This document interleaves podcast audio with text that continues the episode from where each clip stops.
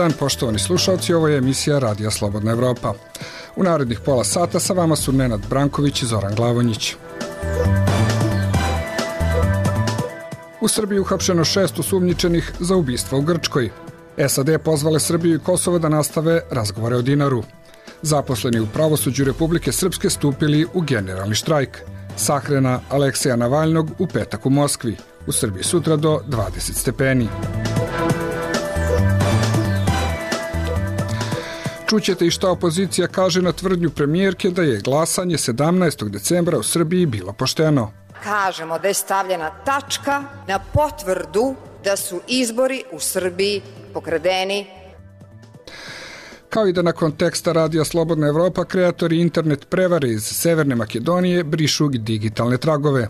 Vratit ćemo se tri puta jači bez sikiracije. Poruka je na jednoj zatvorenoj Telegram grupi na kojoj su komunicirali makedonski prodavci lažnih debitnih kartica sa likom Donalda Trumpa. Ostanite uz program Radija Slobodna Evropa. slobodnaevropa.org Budite online s radijom Slobodna Evropa. Osam osoba uhapšeno je u tri evropske zemlje zbog sumnje da su učestvovale u ubistvu Stevana Stamatovića i Igora Dedovića 19. januara 2020. u Atini i Alana Kožara i Damira Hadžića na Krfu 23. jula iste godine, koji su povezivani sa kriminalnim klanovima iz regiona, saopštilo je Tužilaštvo Srbije za organizovani kriminal. Tužilaštvo je preciziralo da je šest lica uhapšeno u Srbiji, jedno u Španiji i jedno u Grčkoj. Navodi se da je u pitanju međunarodna zajednička akcija tužilaštva, policija i službi bezbednosti Srbije, Grčke, Španije, Evropola i Evrodžasta. Roditelji i đaci osnovne škole Vladislava Ribnika održali su jutros javni čas ispred te škole u Beogradu, u kojoj je prošlog maja učenik ubio devet đaka i radnika obezbeđenja, javlja Iva Gajić. Predavačica na javnom času je bila književnica Jasminka Petrović, a njemu su prisustvovali đaci koji u ponedeljak nisu išli u školu jer je 23. februara kod jednog učenika pronađen nož. Kako je saopštilo Ministarstvo unutrašnjih poslova, tog dana je školskom policajcu prijavljeno da učenik osmog razreda ima nož u rancu, nakon čega je učenik odmah pronađen i doveden kod direktora škole. Portal javniservis.net objavio je hronologiju tehnologiju koja ukazuje da problem sa učenikom kod kojeg je nađen nož postoji već neko vreme. Urednik ovog portala, Veran Matić, koji je od tragedije u maju u kontaktu sa porodicama ubijenih u Beogradu, Malom Orašiju i Duboni, kaže za Radio Slobodna Evropa da su se učenici ispred škole samoorganizovali jer se problem i dalje ne rešava. Ovo nije stvar koja se rešava u jednom modeljenju. Mislim, ovde su iz očaja uh, se učenici samo organizovali i roditelji uh, iz očaja što se to ne rešava, jer oni su nekoliko puta je otkriveno, dakle i prvo pretnje, pa onda još jedan, nož, uh, a da, a da se sve nastavlja po starom. Matić naglašava da je ovoj školi jako potrebna pomoć. Ovo je treći direktor sada. sad uh, voleo bi da svakako se tu stabilizuje situacija, ali jako je važno da se uh, ljudima pomogne i uh, nastavnom osobu da se pomogne na pravi način, da se oni ne osjećaju i dalje traumirani. Cela škola je verovatno kao i celo, kao i svi mi uh, ovaj pod traumom od, od tog, uh, od tog trećeg i četvr, četvrtog Okupljeni su tokom javnog časa zapalili i sveće ispred ulaza na kom se nalaze fotografije dece i čuvara koji su stradali prošle godine. 3. maja 2023. u ovoj školi je 13-godišnji učenik iz očevog pištolja ubio devet učenika i radnika obezbeđenja, a ranio pet učenika i nastavnicu istorije. Dan kasnije u odvojenom incidentu u selima Dubona i Malo Orašje u okolini Beograda napadač je vatrenim oružjem ubio osam osoba, mahom dece i mladih. U napadu je ranjeno 14 osoba. Iz Beograda za Radio Slobodna Evropa Iva Gajić. Saslušanje predsednika Vojnog sindikata Srbije Novice Antića u Višem sudu u Novom Sadu zakazano za danas u podne, odloženo je za 17 časova, rekli su za naš program njegovi advokati. Antić je juče uhapšen u Kragujevcu u porodičnoj kući iz koje je policija zaplenila kompjuter i mobilni telefon, javlja Branko Vučković.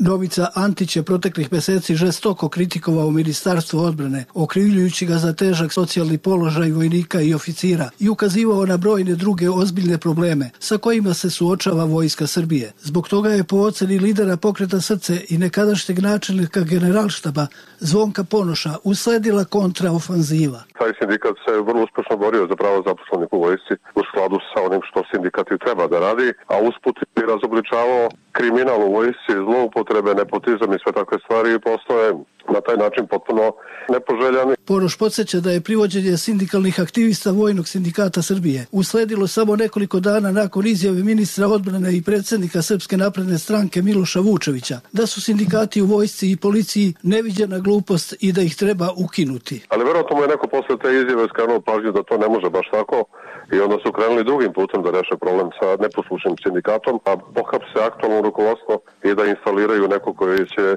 izabrati vojna služba bezbednosti kako bi odgovarali njihovim političkim potrebama. Predsednik sindikata vojnih penzionera Jovan Tamburić kaže za Radio Slobodna Evropa da je istina o katastrofalnom stanju u vojsci koju je Antić predočavao javnosti izazvala odmazdu.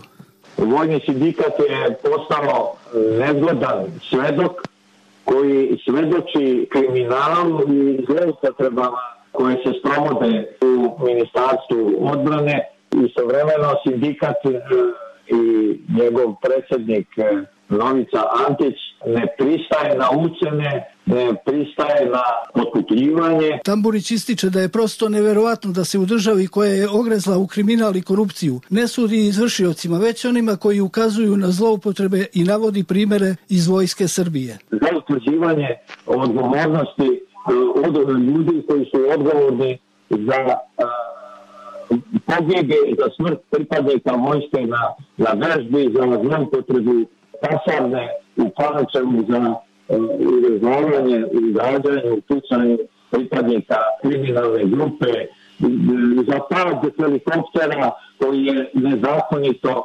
angažovan. Ministarstvo odbrane nije odgovorilo na dopis Radija Slobodna Evropa sa pitanjima vezanim za privođenje članova Vojnog sindikata Srbije, među kojima ima i dosta aktivnih vojnika i oficira. Radio Slobodna Evropa, Branko Vučković.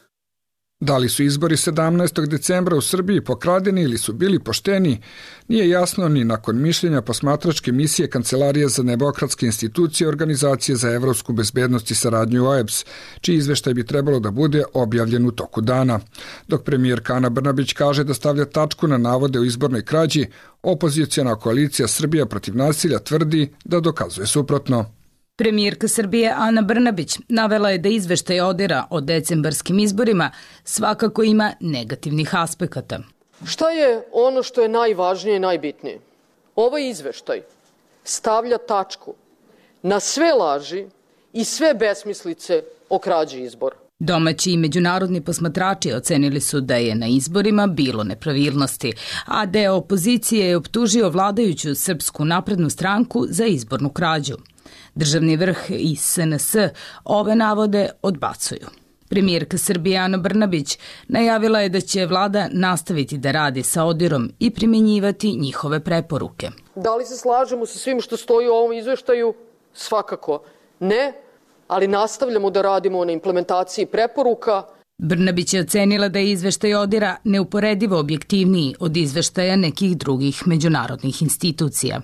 Ona je navela da je izveštaj konstatovao da su se tokom izbornog dana širile tvrdnje o potencijalno velikom broju birača koji žive u inostranstvu, a koji su organizovano dovezeni u Beograd da glasaju za vladajuću partiju.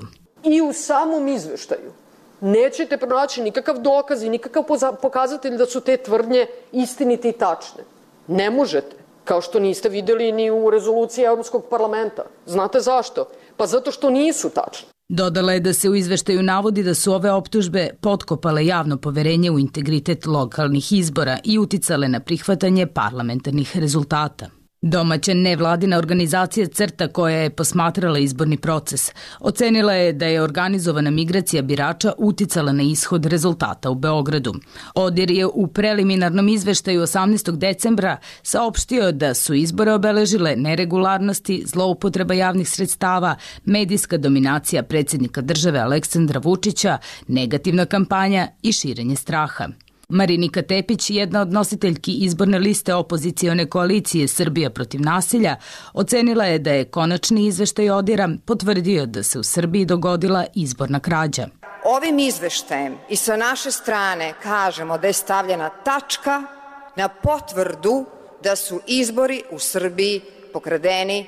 Sve ono na što smo ukazivali se decidno beleži u ovom izveštaju, a to je organizovana migracija i prevoz birača da bi glasali, izuzetno problematičan birački spisak, dominacija predsednika Republike, Tepić, koja je potpredsednica stranke Slobode i pravde, rekla je da je ODIR ekspertska misija, a ne politička i da koristi drugačiji jezik od političara. Kada vam neko kaže izbori su se dogodili ili sproveli u nejednakim uslovima, u neravnopravnim uslovima, u uslovima u kojima je favorizovan jedan čovek, jedna stranka sa agresivnom kampanjom, polarizacijom društva, govorom mržnje, To se zove nejednaki, nedemokratski i neslobodni izbori. U Srbiji su 17. decembra održani vanredni parlamentarni, pokrajinski i lokalni izbori u 65 gradova i opština, uključujući i Beograd. Iz Beograda za Radio Slobodna Evropa Jovana Krstić. Zaposleni u pravosuđu Bosansko-Hercegovačkog entiteta Republika Srpska stupili su u generalni štrajk. Oni traže usklađivanje povećanja plata sa dohodcima koji imaju sudije i tužioci, kao i nivelisanje naknada po pitanju složenosti posla koji obavljaju. Predsednik sindikata pravosuđa Republike Srpske Siniša Petrović saopštio je da se štrajkuje u 29 od 36 institucija u kojima postoje sindikalne organizacije i da je rad obustavljen do daljeg. Sjedinjene američke države smatraju da Beograd i Priština treba hitno da nastave razgovore uz posredovanje Evropske unije u upotrebi dinara na Kosovu, saopšteno je iz State Departmenta za Radio Slobodna Evropa. Ponavljamo pozive Kosovo i Srbiji da deeskaliraju tenzije i da se angažuju naporima za postizanje mirnih i produktivnih odnosa u okviru dijaloga, navodi se iz Vašingtona. Bez konkretnih rezultata završen je susret delegacija Srbije i Kosova u Briselu 27. februara, na kom se raspravljalo o odluci Prištine kojem se ukida korišćenje srpskog dinara na Kosovu. Slušate program Radija Slobodna Evropa.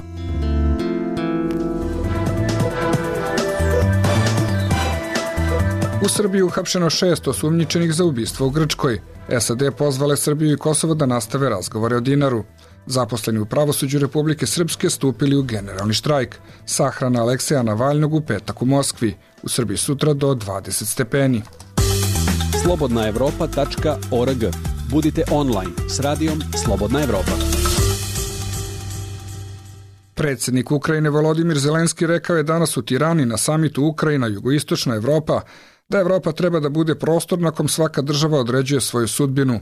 Za sve naše zemlje važno je da režim Vladimira Putina izgubi jer su njegovi neuspesi naša zajednička sigurnost, izjavio Zelenski i zahvalio istočnoevropskim zemljama na pomoći koju su njegovoj zemlji pružili od invazije Rusije na Ukrajinu.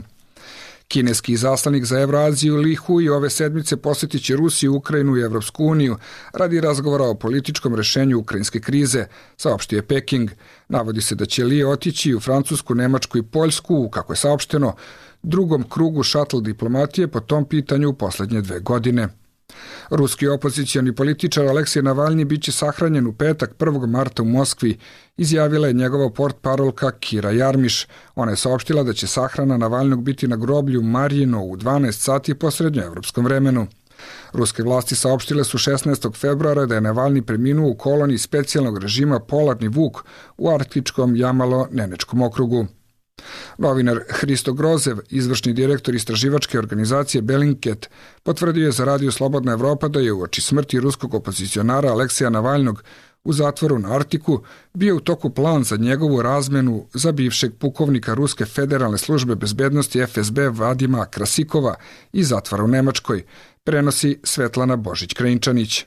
U pregovore su bile uključene Sjedinjene američke države, Nemačka i Rusija, rekao je Hristo Grozev u razgovoru za bugarski servis Radija Slobodna Evropa. Grozev je naveo da je i on bio deo plana i da je Rusija dala svoj pristanak, ali da nije znao da li je predsednik Ruske federacije Vladimir Putin lično odobrio razmenu i da je to bio poslednji korak koji su svi čekali. Do trenutka kada je Aleksej Navalni umro ili, kako verujem, ubijen, to je izgledao kao optimističan scenario koji bi mogao da se dogodi u narednim mesecima, rekao je Grozev. Dodao je da je supruga Navalnog Julija prisustovala bezbednostnoj konferenciji u Minhenu kako bi učinila poslednje korake potrebne za razmenu njenog muža. Međutim, tada je iz Rusije stigla vest da je preminuo u šetnju u zatvorskoj koloniji u polarnom krugu u kojoj je bio zatvoren od decembra. Grozev je ocenio da je to što je Nemačka pristala na razmenu pukovnika Krasikova otvorilo kalkulacije Kremlja da je moguće osloboditi ga bez puštanja na slobodu Navajnog i Amerikanaca koje je Moskva smatrala zatvorenicima velike težine u pregovorima tog tipa.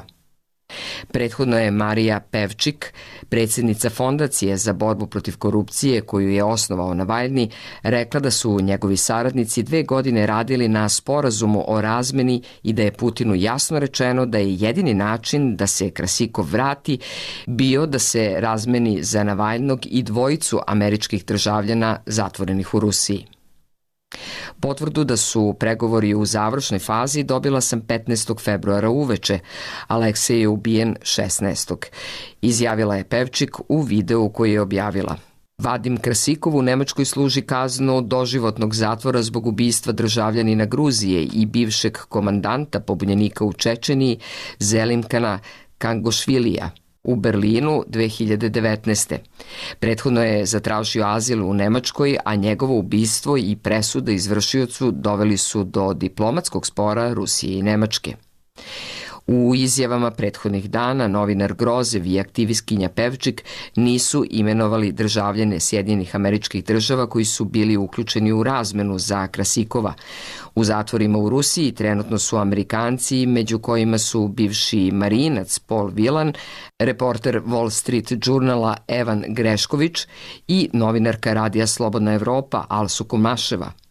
Novinar iz Bugarske, Hristo Grozev, koji živi u Sjedinjenim američkim državama, u Moskvi ima nalog za kapšenje od 2023. pod optužbom ruskih vlasti da je ilegalno prešao granicu Rusije u decembru 2022. Na poternici je Ministarstvo unutrašnjih poslova Rusije u kojoj optužbe nisu precizirane. Torba sa laptopom i dva USB-a u kojima su policijski planovi za bezbednost olimpijskih igara u Parizu ukradena je u ponedeljak iz voza na parijskoj železničkoj stanici Gardu Nord, javili su francuski mediji. Kako se navodi, pripadala je 56-godišnjem inženjeru zaposlenom u gradskoj vladi, koji je policiji rekao da ju je stavio u pretinac za prtljag iznad sedišta, te da je video da je nema kada je pošao da presedne na drugi voz. Za olimpijadu u Parizu, koja se održava od 26. jula do 11. avgusta, najavljena je mobilizacija 35.000 pripadnika francuskih snaga bezbednosti. Dan nakon što je Radio Slobodna Evropa objavio šemu prevare u Severnoj Makedoniji, koja je korišćena za obmanu američkih građana, kreatori su počeli da brišu digitalne tragove – Do danas je deaktivirano 33 od 88 sajtova preko kojih su kupcima u Americi nuđeni bezvredni artikli, javlja Miloš Katić.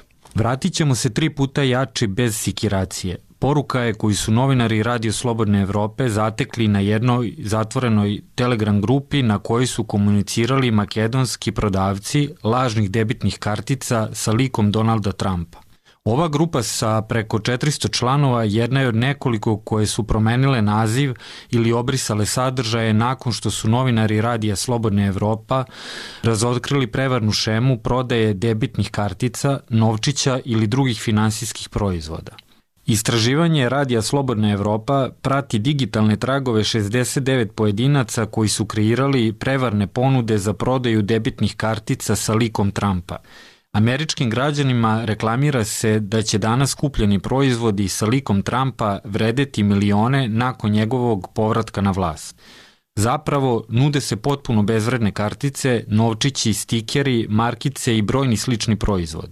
Oglasi za prodaju vodili su kao 88 web sajtova koji su pronašli novinari Radio Slobodne Evrope. Danas trećina ovih sajtova ne radi. Ovakva reakcija prodavaca lažnih proizvoda za sada je jedina koja prati ovu priču. Nadležni organi u Severnoj Makedoniji i Americi nisu se oglašavali ovim povodom. Digitalni put od sajtova kupce je dalje vodio na platformu za plaćanje Copcart. Nakon objavljivanja istraživanja, novinari Radio Slobodne Evrope kontaktirali su ovu platformu, sva upućena pitanja ostala su bez odgovora. Iz Beograda za Radio Slobodna Evropa Natalija Jovanović i Miloš Katić. Dnevno et RSE. Pregled regionalnih i svetskih događaja dana. Kanada je predložila novi zakon protiv zloupotreba na internetu koji predviđa stroge kazne za zločine iz mržnje, među kojima je i doživotni zatvor za podsticanje genocida. Nazvan zakon o nanošenju štete na internetu zahteva od društvenih mreža da u roku od 24 sata uklanjaju postove koji seksualizuju decu, pišu svetski mediji, navodeći da će regulisati rad platformi za prenose uživo i stanice sa korisničkim sadržajima za odrasle. Na osnovu novog akta biće formirana Kanadska komisija za digitalnu bezbednost koja će regulisati online platforme, te da će provajderi imati obavezu da sklone sve zabranjene sadržaje, uključivši objave koje ciljaju na zlostavljanje dece ili podstiču samopovređivanje. Kanadski ministar pravosuđa Arif Virani naveo je da će biti zabranjeni deepfake sadržaj, kao što su nedavne fotografije koje su prikazivale američku pevačicu Taylor Swift u montaži na golom ženskom telu, javio je BBC. Precizirano je da privatne poruke koje razmenjuju korisnici neće biti pod ovim zakonom. Najavljeno je da će kanadski zakon za ljudska prava biti proširen amandmanom kojim bi se označila i kaznila diskriminacija. Kanadski portal Globe and Mail piše da će nova regulativa primorati digitalne platforme da objave planove za bezbednost u cilju smanjenja izloženosti štetnom sadržaju. Navodi se da će morati da uvedu adekvatne alate za označavanje i blokiranje korisnika – da obezbede kontakt tačku za pritužbe korisnika, kao i da povećaju transparentnost o uslugama. Predviđa se i mogućnost korisnika da označe sumnjiv sadržaj i da direktno ulože žalbu novoformiranoj komisiji za sigurnost interneta. U slučaju da se online platforma ne povinuje novim propisima, pretio je kazna i do 10 miliona američkih dolara. Oni koji istrajno ignorišu zakon mogu biti suočeni sa penalima do 25 miliona dolara, dok žrtve govora mržnje mogu da dobiju odštetu od 20.000 dolara. Konzervativci u Kanadi najavili su da će se usprotiviti novom zakonu, dok su ga podržale grupe za ljudska prava i borbu protiv širenja mržnje na internetu. Sloboda govora ne znači slobodu činjenja dela mržnje, saopštila je Kanadska fondacija za rasne odnose. Pregled regionalnih i svetskih događaja dana potražite na dnevnoet.rse. Slobodna Evropa.org. 18 godina tužilaštvu Srbije za ratne zločine dostupni su dokumenti koji ukazuju da je bivši oficir Vojske Republike Srpske Svetozar Andrić naredio iseljavanje nesrpskog stanovništva tokom rata na istoku Bosne i Hercegovine i osnivanje logora, ali istraga do sada nije pokrenuta, saopštila je nevladina organizacija Fond za humanitarno pravo koja je danas u Beogradu predstavila svoju knjigu o tom slučaju, izveštava Dušan Komarčević. Nedim Salaharević imao je 14 godina kada je u Vlasenici, njegovom rodnom gradu na istoku Bosne i Hercegovine, proglašena opšta mobilizacija 92. godine. Njegov pet godina stariji brat Edin Salaharević, košarkaš Tuzlanskog kluba Sloboda Dite, već je imao titulu najboljeg igrača juniorskog prvenstva Jugoslavije. Edin nikada nije stigao da zaigra za seniorski tim jer je ubijen u logoru Sušica, čije osnivanje je naložio Svetozar Andrić, major Birčanske brigade Vojske Republike Srpske. Njegovi posmrtni ostaci pronađeni su u masovnoj grobnici 2009. godine. Izvršena je zvanična identifikacija ovaj, mog brata. Nažalost, mm, bio bi sretan da je ubijen mecima rekao je Nedim Salaharević na predstavljanju izveštaja Fonda za humanitarno pravo dosije Svetozar Andrić u Beogradskom medija centru. Osim brata, Salaharević je u logoru Sušica izgubio i oca. On i majka proterani su u Tuzlu. Kako se navodi u dosijeu fonda u periodu od aprila do decembra 92. u opštini Vlasenica ubijena je 901 osoba nesrpske nacionalnosti, od kojih se više od 300 osoba i dalje nalaze u evidenciji nestalih. Najmlađa žrtva imala je nepuna četiri meseca. Procenjuje se da je oko 14.000 bosanskih muslimana koji su početkom 90. živeli u opštini Vlasenica 97. imalo status raseljenih lica ili izbeglica. Vlasenica je uz zvornik Kalesiju Šehovića, Bratunac Miliće i Skelane bila u zoni odgovornosti Birčanske brigade, koju je vodio Svetozar Andrić.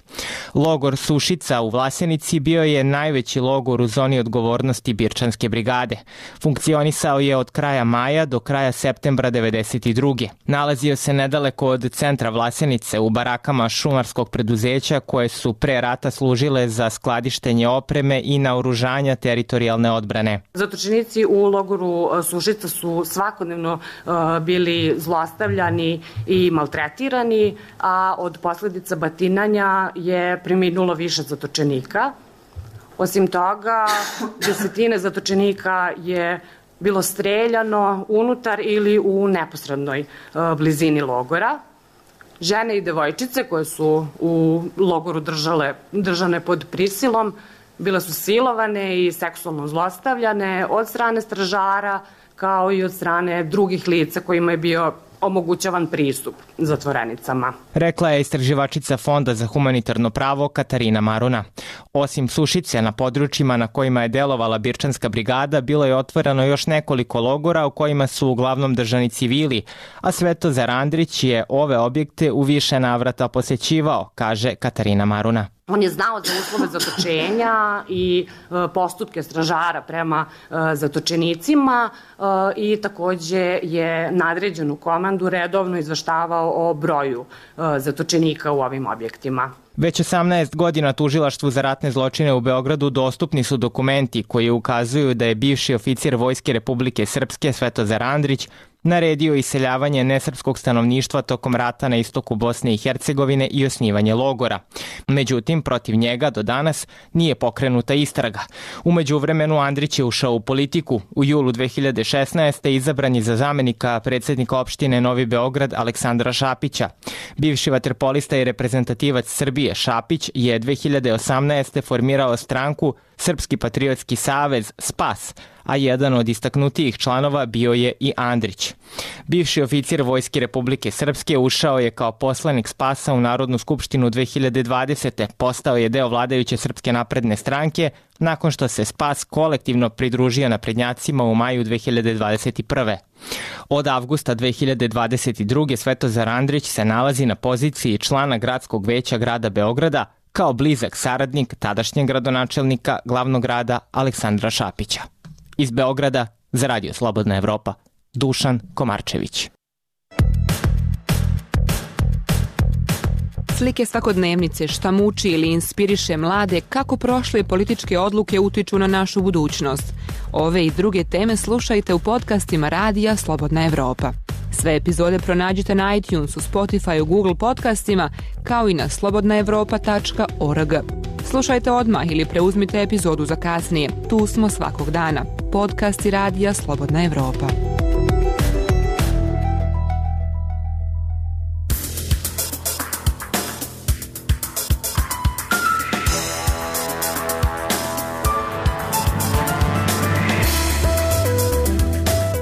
U Srbiji uhapšeno šest osumnjičenih za ubistvo u Grčkoj. SAD pozvale Srbiju i Kosovo da nastave razgovore o dinaru. Zaposleni u pravosuđu Republike Srpske stupili u generalni štrajk. Sahrana Aleksija Navalnog u petak u Moskvi. U Srbiji sutra do 20 stepeni.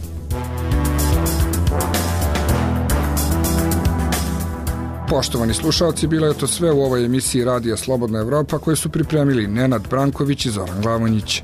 Želimo vam prijatan dan.